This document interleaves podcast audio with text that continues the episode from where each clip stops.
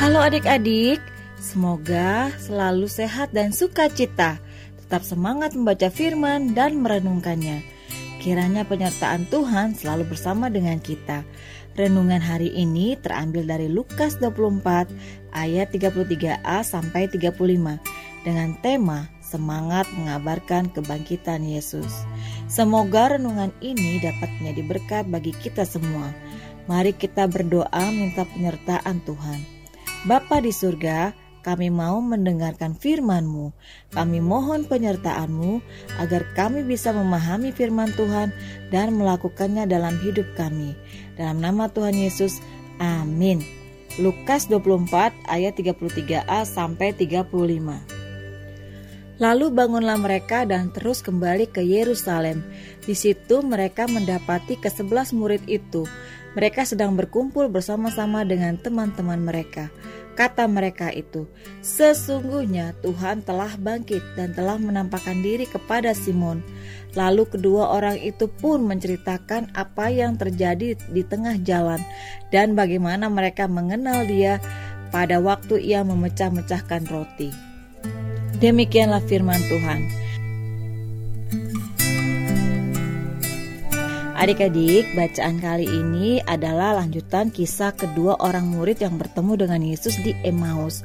Kedua orang itu kemudian bergegas ke Yerusalem memberitakan pengalaman mereka kepada para murid terdekat yang sedang berada bersama beberapa orang lain.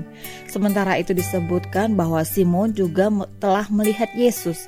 Kedua murid tadi kemudian bercerita bagaimana mereka berjalan bersama Yesus ke Emmaus mendapat penjelasan mengenai kata kitab suci tentang dirinya dan bagaimana mereka mengenalinya ketika ia membagi-bagi roti.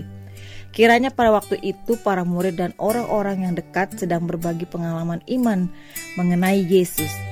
Beberapa orang memang merasa berjumpa dengan Yesus yang bangkit pada kesempatan yang berbeda-beda. Tentu saja yang mereka lihat dan alami tidak sama persis. Namun demikian, akhirnya mereka dapat saling memahami bahwa yang mereka jumpai itu ialah dia yang dulu mereka kenal dalam hidup sehari-hari. Sekarang ia berada dalam cara lain tapi nyata. Pengalaman bermacam-macam tetapi sama arahnya. Satu pula intinya, Yesus sudah bangkit dan tetap berada dengan mereka. Tapi dengan cara yang masih perlu mereka sadari lebih lanjut.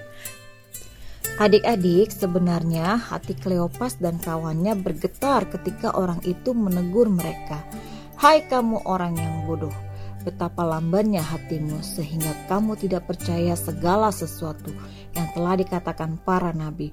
Bukankah Mesias harus menderita semuanya itu untuk masuk ke dalam kemuliaannya dan hati mereka berkobar-kobar ketika orang itu menjelaskan tentang kitab suci. Namun, kesedihan lebih menguasai hati dan pikiran mereka, sehingga tidak bisa mengenali orang itu dan kurang memedulikan apa yang disampaikannya. Hingga mereka tiba di rumah dan menahan orang itu agar tidak melanjutkan perjalanannya dulu. Barulah pada saat mereka hendak makan dan orang itu memecah-mecahkan roti mereka, tersadar bahwa itu adalah Tuhan Yesus Kristus Guru mereka yang baru saja wafat disalibkan dan kini telah bangkit dari kematiannya. Namun ia telah menghilang. Mereka tidak dapat menahan luapan sukacita yang ada di hatinya untuk segera mengabarkan peristiwa ini kepada teman-temannya yang lain. Mereka segera bergegas kembali ke Yerusalem untuk menceritakan pengalaman mereka kepada murid-murid Tuhan Yesus yang lain bahwa mereka telah bertemu dengan Tuhan Yesus yang telah bangkit. Sekarang tante mau bertanya, bagaimana dengan adik-adik semua? Apakah juga merasakan sukacita seperti para murid? Coba adik-adik bertanya pada diri masing-masing. Apakah sukacitaku meluap tak tertahan untuk mengabarkan kebangkitan Yesus? Sekali lagi coba adik-adik bertanya pada diri sendiri.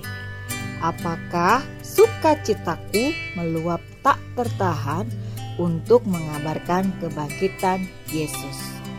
Mari kita berdoa. Bapa di surga, ajar kami untuk tidak bosan-bosan mengabarkan berita kebangkitan Yesus dari kematian yang merupakan rasa syukur kami karena telah memperoleh keselamatan. Dalam nama Tuhan Yesus, amin.